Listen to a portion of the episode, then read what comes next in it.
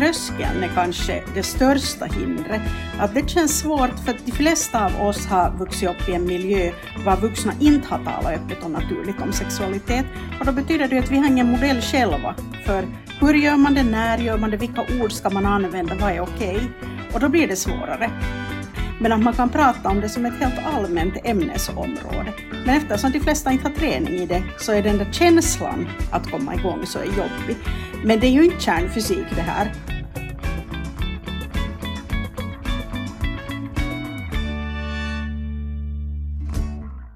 Vårt äldsta barn, alltså min dotter, så hon är 20 år nu. Och vi har nu ungefär hittills har vi pratat om nej men hur barn blir till och att pappan ger oss frö åt mamman och jag känner att diskussionen har funnits i vårt hem. Men jag börjar nu fundera som att hur kan jag bygga upp, ändå som i tidig ålder, och stödja att, men som att det inte finns tabu kring sex och att de får men, en sund och positiv inställning. Jag känner mig lite smått som vilsen, att när ska man börja prata om sexualitet? Och annat än att hur barn blir till. Jag förstår helt vad du menar, Rebecka, och jag har gått i samma tankar själv, att de är ju som så små, att när ska man börja? Och just det här att hur vi pratar om kärlek och att röra sig själv, puberteten och upphetsning med barn. Eh, jag tänker allt annat än det här, hur blir barn till? All sexualitet bortom det. Eh, vi är ju inte experter inom det här området, eh, så att för att prata om de här sakerna så har vi bjudit med dig, Sus Åman. Välkommen med till Föräldrasnack. Tack ska du ha, roligt att vara här. Alltså jag har så många minnen av att vi har suttit i en bil när jag typ har kört från Jumpan eller någonting och så hade det kommit sex och sånt på radio. Och så hade, hade det kommit upp någon med en lite pinsam fråga eftersom att allt var ju pinsamt när det kommer till så här till ton eller när jag var liten. Och så har man bara velat typ sjunka ner i stolen för att det är som att mamma eller pappa eller någon annan förälder sitter bredvid och man bara nej, det här är jättepinsamt, men samtidigt är det ganska intressant. Så det är som mina första minnen av att ha, nej men, Komma i kontakt med dig kanske? Ja. Ja, jag, jag, har också samma upplevelse, men jag vill vara den här mamman som är så här, nu vrider vi upp volymen, nu ska alla vara tyst, vi har tar frågor efteråt istället för att byta kanal. Men vad bra, utvecklingen går framåt. um, Sos, vi har ju bjudit med dig alltså att, att uh, prata om när och hur ska vi börja prata om sexualiteten med barn. Mm. Mm. Det här är ju ditt område. Det här kommer alltså jättelämpligt att, att bli inbjuden hit. Jag håller som bäst på att skriva ett material för småbarnspedagoger om hur man på dagis kan, kan ta upp hela det här temat och stödja barns sexualitet. Det har nämligen på våren så har planen för eh, småbarnsfostran, eller småbarnspedagogiken, har fått ett litet tillägg var det står att pedagogerna ska kunna svara på barns nyfikenhet och handleda dem kring frågor om sexualitet. Så att nu, nu betyder det alltså att personalen ska klara av det, men, men de behöver ju något slags utbildning eller material i hur man gör det. Så det, det, är på gång, så jag tror nog att det håller på att ske en ganska stor förändring egentligen i samhället i det här. Att nu förväntas vi så småningom alla klara av det och att man kanske vet att barn mår faktiskt bättre av att få stöd i sin sexualitet och sin utveckling. Mm, mm. Hur har det tagits emot det här då att, att man redan på dagis ska prata om sexualitet med barn och sen i lågstadiet? Att... Um, enstaka kanske jag tyckte att det är ganska tidigt att börja redan från ettan och prata med barn. Jag har nog haft väldigt många människor som jag har utbildat som har varit tacksamma över att det är någonting på väg. För att eh, det har ändrat väldigt mycket här de senaste tio åren, att det finns allt fler vuxna som skulle vilja kunna prata om det här. Men de saknar lite redskap. De vet inte vilka ord man ska använda och vad är lämpligt att ta upp, hur mycket vågar man säga, kan det skada barnen? Så att, att jag tror nog att det kommer att övervägande tas positivt emot. Men sen finns det en del som säkert kommer att bli skrämda av det och, och kanske tycka att det är på något sätt för tidigt. Jag tänker att tidigare hade det funnits jättestarkt en sån uppfattning om att barn ska skyddas, barn är oskyldiga och, och vi ska skydda dem från sexualitet. Och jag tänker att det beror hemskt mycket på okunskap. För att frågan är vad är det vi ska skydda den från? Alltså det är klart att vi inte ska visa porr för småbarn eller eh, liksom vara jätteexplicita och, och prata på en för hög nivå. Men om man pratar med enkla ord på ett sätt som barn kan förstå så tänker jag nog att det är en skyddande faktor. Och också kanske med tanke på de barn som löper risk att bli sexuellt utnyttjade.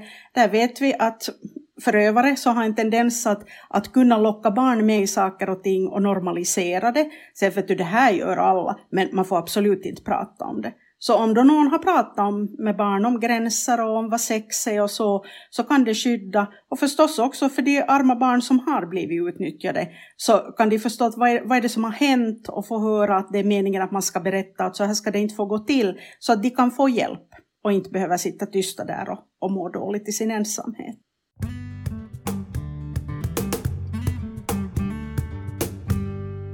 För jag känner ju en jättestark ändå sån där vilja att jag vill göra på ett annat sätt än vad det gjordes när jag var barn. Men att jag upplever också själv att jag har inte heller alla verktygen för jag har inte, jag har inte sett någon göra på ett annat sätt. Så just det där när vi pratar om att, att vi ska prata med barnen tidigt, så hur? Vad skulle du säga att var börjar man? No, om jag ska ge så här råd så tänker jag att för föräldrar så uh, tänker jag att uh, undervisningen eller fostran för barnen så börjar egentligen redan på BB. Du föder ett barn och eh, de flesta barn föds med en tydlig snippa eller snopp. Och då kan du börja den där och fundera att vilka ord skulle jag vilja använda för könsorganen? Många har någonting som känns bekvämt, alla har inte. Men där kan man börja träna. Att när du byter den tredje blöjan på, på, din nyfödda eh, unge så säger du att nåja, så putsar vi snoppen och sen sätter vi blöjan på. Att du börjar ta de här orden i din mun så att det liksom känns bekvämt. Alla begriper att en nyfödd liten unge så uppfattar ingenting av det här ännu. Det finns ingen som helst laddning i det. Men det är att du vänjer dig vid det. Och sen tar man liksom stegvis så går det vidare. Men ju tidigare man börjar desto lättare är det för en själv. Och börjar man prata med en Kanske en två, treåring berättar hur bebisar blir till, som kanske är det där klassiska som jag ofta får frågor om, att hur ska man berätta det? Då börjar berätta så tidigt, du kan spontant ta upp det, det är inget fel i det, man behöver inte vänta på barnens frågor. Men börjar du prata om det så här tidigt, så kommer barnen inte ändå att komma ihåg någonting av det egentligen, eh, och inte ha liksom någon tydlig bild, de kommer verkligen inte att döma dig hur du än skulle stamma och rodna och ge en väldigt stapplande beskrivning. Så du kan ta om det hundra gånger, det gör ingenting. Men om du aldrig har sagt någonting före barnet är tonåring så sätter det mycket större press på både dig och barnet som ska klara av att lyssna på ett område som det inte alls är vant vid att, att höra av sin förälder någonting om. Eh, så därför tänker jag att ju tidigare man börjar, desto lättare är det. Och just det där att, eh, att vänja sig själv. Jag har ett eh, tydligt exempel. Jag hade köpt en bok som heter Tryggboken som handlar om hur vi kan lära barnen att, eh, att följa magkänslan och, jag känner någonting inte står rätt till och just att den handlar också då om sån här grooming och, och när vuxna då gör saker som inte de får göra på barns privata delar. Och eh, första gången som jag skulle läsa den där boken så var jag som så, jag bara som att nej, jag kan inte, den är för hemsk. Fast det var liksom uppbyggt som en historia. Eh, men så stod det i början att till föräldrarna, om du tycker att det är jobbigt att läsa den här boken till dina barn, Tänk då hur jobbigt det skulle vara ifall ditt barn blir utsatt för sexuella övergrepp och inte har några ord, eh, inte vet att det är fel. Liksom att gör det här för ditt barns skull och gör det för din egen skull för att du lättare i längden ska kunna som, prata om sådana här saker med ditt barn. Och nu är det ju flera år sedan jag läste den här boken för första gången och idag så läser vi den som en godnattsaga hur lätt, hur lätt som helst. Och att barnen har liksom börjat ställa frågor och liksom just att de ens vet vad grooming är och så här att det liksom att bara man börjar på och bara man vågar och vara den där stabila, trygga vuxna som kan svara på frågor så blir det ju så mycket enklare. Tröskeln är kanske det största hindret. Att det känns svårt för att de flesta av oss har vuxit upp i en miljö var vuxna inte har talat öppet och naturligt om sexualitet. Och då betyder det att vi har ingen modell själva för hur gör man det, när gör man det, vilka ord ska man använda, vad är okej? Okay? Och då blir det svårare. Och, och sen kanske man läser in för mycket av sån här vuxensexualitet i det. Jag tänker att, att många jag tänker, men kan jag faktiskt prata om sex? Att det är ju, jag har ju ett sexliv, att hur ska jag kunna prata om det? No, det behöver man nu, det ska man verkligen inte prata om. Att ens egen sexualitet ska man nog hålla alldeles för sig själv. Det, det är ju liksom verkligen en privat sak och ens barn hör nu kanske eh, allra mest till de människor som inte har någonting med det att göra. Men att man kan prata om det som ett helt allmänt ämnesområde. Men eftersom de flesta inte har träning i det så är den där känslan att komma igång så är jobbig. Men det är ju inte kärnfysik det här. Det är inte hemskt svårt egentligen att börjar man och, och liksom börja smått, uh, man behöver verkligen inte ha tänka att nu tar vi den här diskussionen då vi liksom sätter oss ner och tar ett stort område, utan att ha små kommentarer då och då eller ja, kommentera någonting som kom i tvn eller som man såg i en bok eller läste i en tidning eller någonting som barnen frågar om eller har kanske eh, någon kompis som väntar barn att liksom apropå det kunna säga något smått. Det tänker jag att det är lättast för en själv och lättast för barnen och då blir det liksom så småningom en sån här naturlig del. Jag tycker det var, det, det blev väldigt tydligt också när vi fick, jag har två flickor då och sen fick de en lillebror att det blev väldigt tydligt då också att, att vi började prata mer om det när han föddes, för att det var jätteintressant att han såg annorlunda ut och de funderade mycket kring det. Nej, men just det där på tal om att ha syskon och att, man kan, att barnen kan jämföra sig mm. med syskon och sådär, så, så det här, jag tycker att syskon är, är en rikedom på många sätt, men också just kring det här med gränser.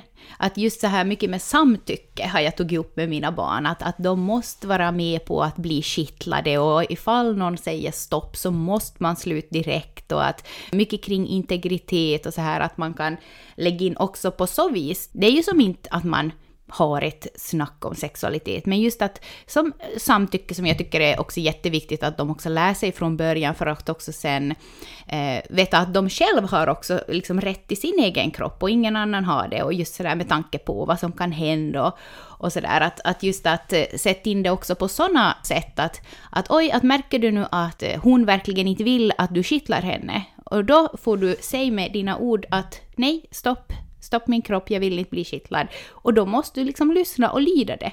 Att det behöver ju inte vara det här alltid liksom snopp och snippa och det är sex och det är eh, sådana saker, utan just sådana små saker också. Jag, jag håller helt med dig. Jag tänker också att det går många saker som um, på sätt och vis har med sexualiteten att göra eller åtminstone stöder det så går att träna också andra vägar. Så det är ju ett perfekt exempel på hur man kan träna samtycke. Att barn behöver inte träna samtycke när det gäller sex, det kommer långt, långt senare i deras liv. Eh, men att kunna träna hur man säger nej, hur man sätter gränser, det har i högsta grad med sexuellt samtycke att göra. Men man behöver träna det på olika sätt. Då tänker jag också att kunna tala kanske om mångfald, eh, vem man blir kär i, vem man kan gifta sig med, eh, eller hur man kan känna sig som pojke eller flicka eh, med ja, kanske lite äldre barn. Nu kan man börja dagis redan helt bra och tala med att, att de flesta som har en snippa så känner sig som en flicka och de flesta som har en snopp känner sig som en pojke, men inte riktigt alla. Och, och då kan man fundera att hur känns det inuti?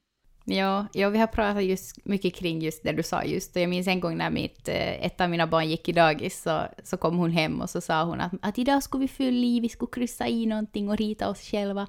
Men jag kunde inte för jag, jag har inte ännu bestämt mig om jag är en flicka eller en pojke. Och jag var som att ja, vad fint, du behöver inte bestämma dig. Du ska bara vara du.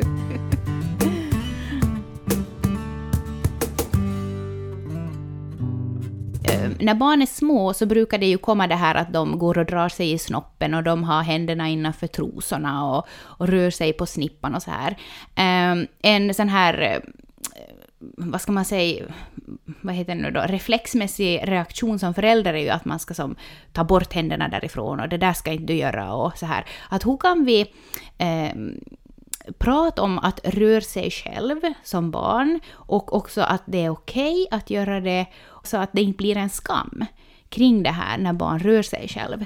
Det går ganska bra att göra genom att, att prata om eh, kroppen överlag och olika kroppsdelar. Att, um, att säga åt barnet att när det gäller din egen kropp så får du alltid röra dig var som helst på kroppen. Det är helt okej. Okay. Och, och, det är bra att upptäcka kroppen och känna efter hur det känns att röra sig på olika ställen och så.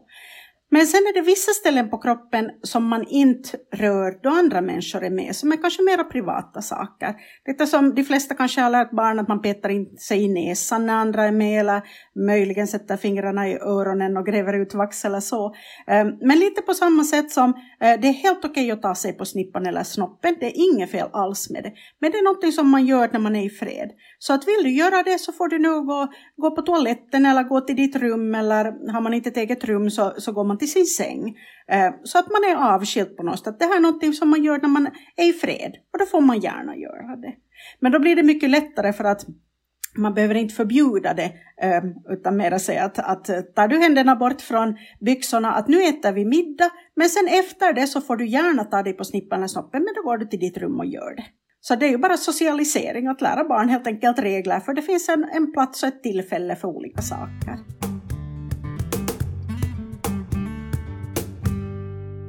Blir det vanligare att papporna också tar det här, eh, lyfter de här sakerna, eller stampar det på stället där att det ännu bara är mammor som pratar om det här? min upplevelse är nog att, att det lite stampar på stället. Att här, här liksom skulle man kunna göra en ganska stor insats att papporna också skulle behöva prata med sina barn om kropp och närhet och kärlek och sexualitet och gränser. Ehm, länge har det varit så, det finns undersökningar på det som visar att, att både barn, unga och vuxna så säger på frågan att, att vem har pratat om sexualitet med dem svarar så gott som alla att det är kvinnor som har gjort det. Att det på något underligt sätt har blivit lite som en kvinnofråga trots att kropp och sexualitet gäller exakt varenda en av oss. Och jag tänker att alla barn skulle behöva, är det pojkar eller flickor eller möjligen transbarn, så tänker jag att, att alla skulle behöva människor av olika kön som kan prata om det här. Att det inte blir så att det, det är bara mammorna som pratar om det och sen kommer det kanske en kvinnlig lärare och sen kommer det en kvinnlig hälsovårdare och det var liksom det som man fick höra, utan nu behövs ju alla bilder. Puberteten är nu helt självklar, tänker jag, att, att där vi väl de flesta hör av någon som själv har gått igenom det, som har de där fysiska upplevelserna. Men också annars, bara att höra att man duger, att ens kropp är fin, att man är värd att skydda och att man får höra om sexualitet på olika sätt. Klart att det är viktigt att det kommer från båda könen.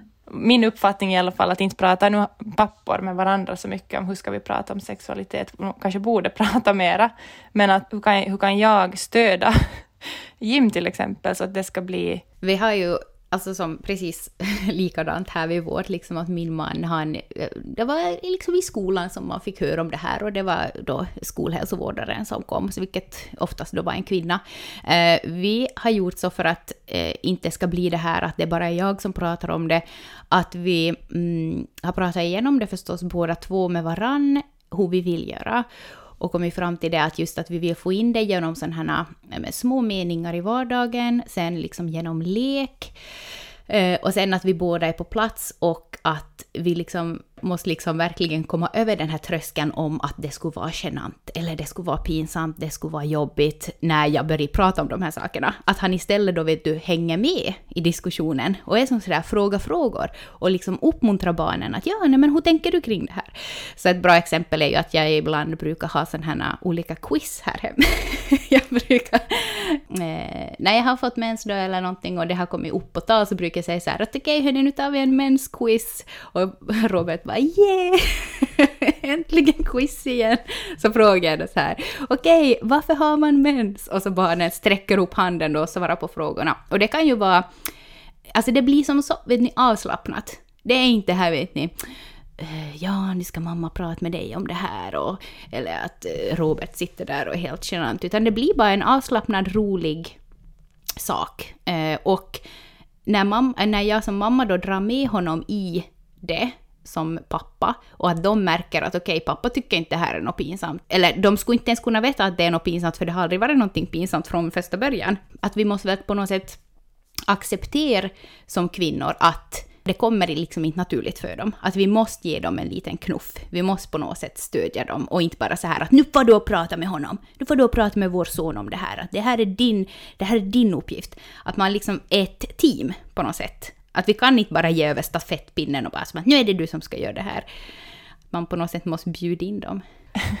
Jag hade en liten knuff också. Jag, eller vi var till, till Bibban just och lånade böcker och då försöker jag låna ibland. Nu har jag börjat låna mer att det, men någon sådana böcker som tar upp just de här ämnena om kropp och, och så då har jag satt den här boken alltså, till Jim som att, men att läsa den här boken för dem. Att, också just att komma över den där att det skulle vara på något sätt pinsamt. Att det är bara att ibland läser mamma en sån här bok och ibland läser pappa en sån här bok. Alltså som du sa också att man att det kommer inte naturligt. Men jag tycker det är bra att vara medveten också om, just som att säga att, att man försöker göra det som ett team. Det ja. tror jag över, överlag, det är kanske ett sådant idealiskt föräldraskap, att ja. man skulle ha en partner som stöder en och där man diskuterar på förhand om viktiga frågor, hur man vill göra och så. Men långt ifrån alla har ju på något sätt ett så genomarbetat och, och liksom välfungerande system.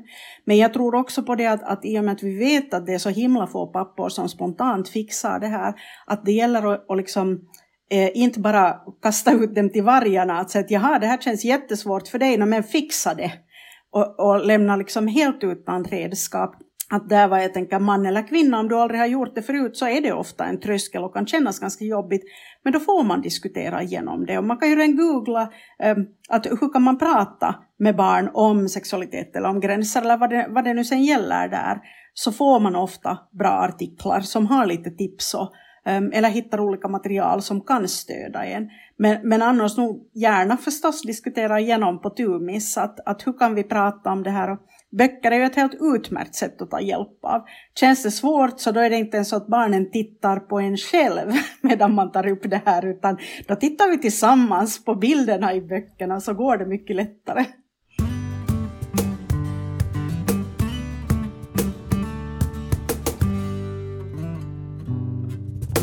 Nu har det ändå varit på ganska basic nivå, just sådär att stoppa min kropp och, och hur barn blir till och, och sånt, men att vad behöver jag börja ta in i min diskussion? Bygga, Bygga på, på mera när de blir äldre. ja.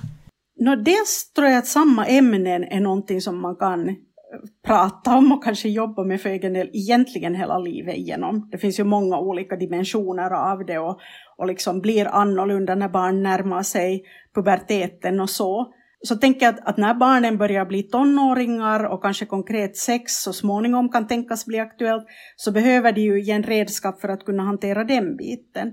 Men jag skulle utgå från samma ämnen och så breddar man det och, och djupar det så småningom här. Jag pratar egentligen om ganska samma saker med barn i, eh, i dagisålder som jag gör i lågstadieålder. Och sen ja, jag, jag, bara breddar det och fördjupar det lite helt enkelt. Sen kommer kanske puberteten starkare in. Det är ju någonting som väcker massa känslor och tankar och frågor när den egna kroppen förändras. Så det behöver man ju då gå igenom så småningom och kanske gärna um, om man kan säga för tidigt jämfört med vilken uppfattning de flesta människor har om när man borde börja. Um, men vi vet att flickor får i snitt sin första mens när de är 13 år och pojkar i snitt sin första utlösning när de är 14. Men det, det kommer liksom inte alls i början av puberteten utan det hinner sätta igång nog olika andra förändringar hinner komma där redan några år innan. Så att börja prata, ehm, jag brukar rekommendera att, att på trean så skulle man börja ta upp någonting åtminstone om puberteten. Att det inte går så att de barn som är väldigt tidiga så blir helt utan information. Ehm, Eh, det har funnits sådana enstaka fall under de senaste åren var alltså flickor har kunnat få mens utan att någon har berättat för dem vad det är. För det har inte ännu kommit in i skolan, där kommer det oftast på femman på våren och om inte familjen har märkt att här är puberteten på gång och man skulle behöva ta upp det, så kan det ju bli århundradets chock för henne. Hon börjar blöda från snippan utan att ha någon koll på vad det är. Det är liksom en fruktansvärd upplevelse. Så att de, dels ur den synvinkeln är det bra att börja tidigt och sen också för att de barn som kommer tidigt i puberteten så blir liksom lätt utsatta för frågor och nyfikenhet och i värsta fall mobbning på grund av det, att ha liksom allmän information. Att alla barn skulle veta vad som är på gång så att jag behöver inte fråga Pia om hennes användning av bh eller när jag ser att hon har en binda i väskan, utan jag vet redan vad det handlar om och, och hon kan liksom få leva sitt liv mera i fred och hålla sitt privatliv. Men nu är det ju kanske, alltså det här är säkert en dum fråga, men jag funderar just kring alltså, vilka ord och hur...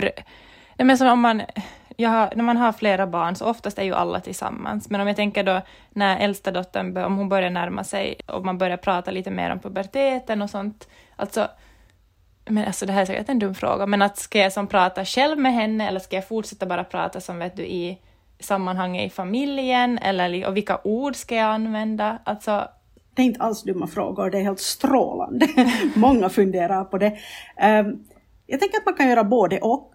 Mm. Uh, mycket finns det ju som liksom de andra barnen också mår alldeles bra av att veta. Jag tänker att det mesta med sexualitet, inte det är skadligt för Nej. mindre barn att ta del av det, så länge man håller det på en saklig nivå. Och det utgår jag nu ifrån att så gott som alla föräldrar vill ju göra det, så att, att det knappelunda är ett problem här. Men sen om det gäller de där egna kroppsförändringarna, då tänker jag att det kan vara bra att ta en mera privat diskussion. Ehm, att fundera att hur gör just du? Eh, hur känns det nu när du börjar få bröst? Skulle du behöva en bh? Ska vi gå tillsammans och shoppa det? Ehm, jag tänker färdigt nu köpa bindor åt dig så att om du får mens så, så vet du att det finns här i ditt skåp eller vad man nu har dem och så visar jag att precis hur man sätter en binda i dina trosor så att man har tränat det här från början. Och det tänker jag kanske är sånt som kan kännas jobbigt med småsyskon med, eller äldre syskon för den delen. Att det kanske man kan hålla en mera privat del. Eller sen med ännu äldre barn om, om det gäller um, att man funderar att om de kanske börjar ha sex eller skulle behöva preventivmedel eller något sånt, att det är ju himla privata saker. Att då ta ett privat samtal om de grejerna. Men det allra mesta andra så är det nog helt okej okay att diskutera också fast, fast de andra barnen skulle vara med och lyssna. Men hur vet, jag tänker som också när de då börjar komma in i den åldern att de kanske börjar ha sex, så där är ju också barn jätteolika, för jag tänkte också på det att jag, var, jag hade aldrig pojkvänner i låg och högstadiet, utan jag hade min första pojkvän när jag var 17-18. Att, men mina barn kanske går en helt annan väg och det är som att ska jag då känna in och på något sätt alltså vet jag när jag behöver ha den diskussionen. Eh, men jag är rädd typ att tänk om jag inte hoxar, att jag, säger, jag, jag har den diskussionen för sent. Det går ju ganska lätt att förebygga genom att ganska tidigt ta upp det här på ett allmänt plan. Mm. Um, tänker jag att redan från det att barnet kanske börjar högstadiet, för de flesta är det åratal ännu till en sexdebut med någon annan. Uh, men redan då så kan man börja med att säga att, att uh, det kan hända att det här inte är aktuellt för dig ännu på tio år, men eftersom jag är rädd att jag pratar allt för sent med dig så vill jag i alla fall säga vissa saker. Um, Kanske säga att, att äm, jag kommer att köpa kondomer som finns i badrumsskåpet. Jag kommer aldrig att kolla om du har tagit av dem eller inte. Men jag uppmuntrar dig att, att testa den på dig själv eller har man en flicka att, att ta ut och fast blås upp den eller testa att sätta på dina fingrar eller så, så att du bekantar dig med den från början. Om paketet försvinner därifrån äm, så då utgår jag ifrån att du har tränat eller haft någon kompis som har behövt eller själv använt dem och då skaffar jag nya. Så då finns det liksom där. Så fast barnet skulle rodna eller skrika att är du galen mamma? Vad snackar du om? Sen var det helt fine, vi behöver inte prata om det här. Men för mig är det jätteviktigt att du är skyddad.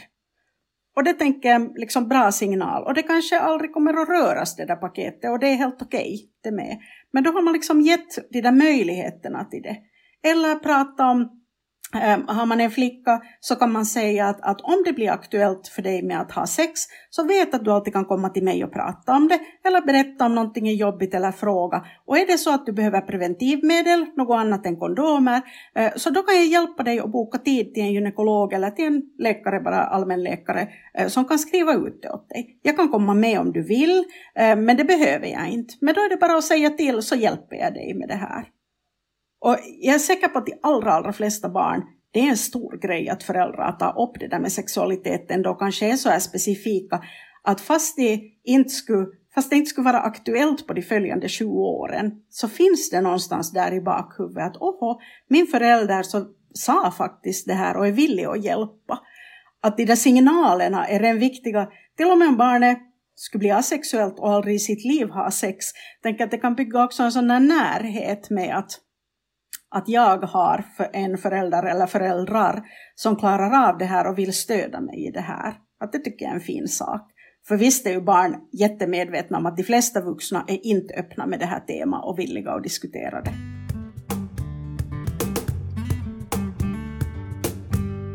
Om det är någon som lyssnar nu som inte alls ännu har tagit upp någonting kring sexualitet sådär konkret med sin, vad ska vi säga, åttaåring vad tycker du, hur ska de ikväll eller imorgon ta det första steget? Ja, jag kanske några sådana små bitar. Dels tycker jag att um, man måste fundera att talar man om könsorgan och benämner det. Uh, att har man aldrig gjort det kan man säga att vet du vad, att jag lyssnade idag på en podd och så märkte jag att jag har en sak jag helt har missat. Um, du vet ju helt säkert att, att flickor har snippor och pojkar har snoppar. Men vi har inte så mycket pratat om det. Men det tänker jag är en viktig grej. Och så kanske man kan gå vidare till hur man gör barn. För det tänker jag att, att det är någonting som barn behöver få veta. Om man nu är åtta år så tycker jag att det börjar höra till allmänbildningen redan. Och kanske säga det här med att att um, vi har inte heller pratat så mycket om bebisar blir till, men det är de två saker jag vill ta upp idag. Sen har man ju hela livet på sig att fortsätta med andra ämnen. Uh, och, och, kan säga någonting i stil med att, um, att vet du att bebisar görs ofta på det sättet att pappan sätter in sin snopp i mammans snippa och där finns ett sånt där chilt babyhål man kan sätta in snoppen i. Och när snoppen är där så brukar det komma ut små, små babyfrön och då kan det möta ett pyttelitet babyägg som finns inne i mammans snippa. Eller egentligen finns det ett skilt babybo där en bebis kan växa. Och om de här båda möts, då kan en bebis växa där. Och det här kan också kallas för sex. Det har barnet förmodligen hört. Många barn har hört liksom sex eller att sexas eller något sånt när de har börjat skolan. Um, och där kan man kanske lägga till då att att det här är något som också kallas för sex och det gör vuxna um, oftast för att det känns skönt. Det gör man bara om man vill. Man behöver aldrig göra det om man inte har lust med det. Så det är inte bara att göra barn. Och då tar man också samtidigt och pussas och kramas och ligger och gosar med varandra och, och kanske smeker varandra på hela kroppen, också på snippan och snoppen. Eh, så det är en fin sak man kan göra med någon som man är kär i sen när man blir vuxen. Men man behöver aldrig göra det och man får alltid välja vill man göra någonting, med vem gör man det när man gör? Om man inte vill så säger man nej och så låter man bli. Jag tänker att man fått det där nu kanske helt grunderna på något sätt med det. Sen kommer gränser behöver man ju fundera med eh, och mångfald få, få in lite bredare. Men det där med att, att säga nej, eh, då har man fått åtminstone en grund. Det gäller visserligen sex och man behöver träna det mera. Men det är en start. Mm. Och så kan man läsa böcker man hinner till Bibban ännu efter jobbet idag. Exakt. Det är jätteviktigt att vi, att vi fortsätter till prat om, om det här, så att det blir mer normalis normaliserat och mindre tabubelagt. Så hoppas att ni som lyssnar har fått mycket bra tips här idag om hur vi kan liksom, ja, göra det lite enklare för oss föräldrar också. Att inse att det här är en del av föräldraskapet, att prata med sina barn om de här sakerna. Att jag tror att, att vi konstlar till det ofta i huvudet. Liksom just det där, när du nu pratar också här om tipsen i slutet, det är ju, det är ju helt som att ha en vanlig diskussion. Liksom att det behöver inte vara något fram med en eh, tavla och skriva upp saker och ha någon lektion, utan att det att, att vi gör det tror jag ofta svårare än vad det behöver vara. Att det handlar bara om att våga säga, våga säga liksom ärligt och använda rätt ord och inte börja sätta någon bomull och använda blommor och bin och sånt, utan att bara använda rätt ord från början så har man ju en jättebra start. Så det är bara att ta lite mod till sig och sätta igång om man inte har gjort det tidigare. Och har man gjort det tidigare får man gärna fortsätta och bredda lite ja. till. Stort tack Sus för det här. Vi kommer att höra dig igen om några veckor och då ska vi prata om eh, porr och barn och hur vi, hur vi tar ihop det innan de kanske exponeras för det. Så det blir intressant diskussion, den får ni höra om några veckor. Eh, tills dess så vi hörs som vanligt nästa vecka. Hej då! Hej då!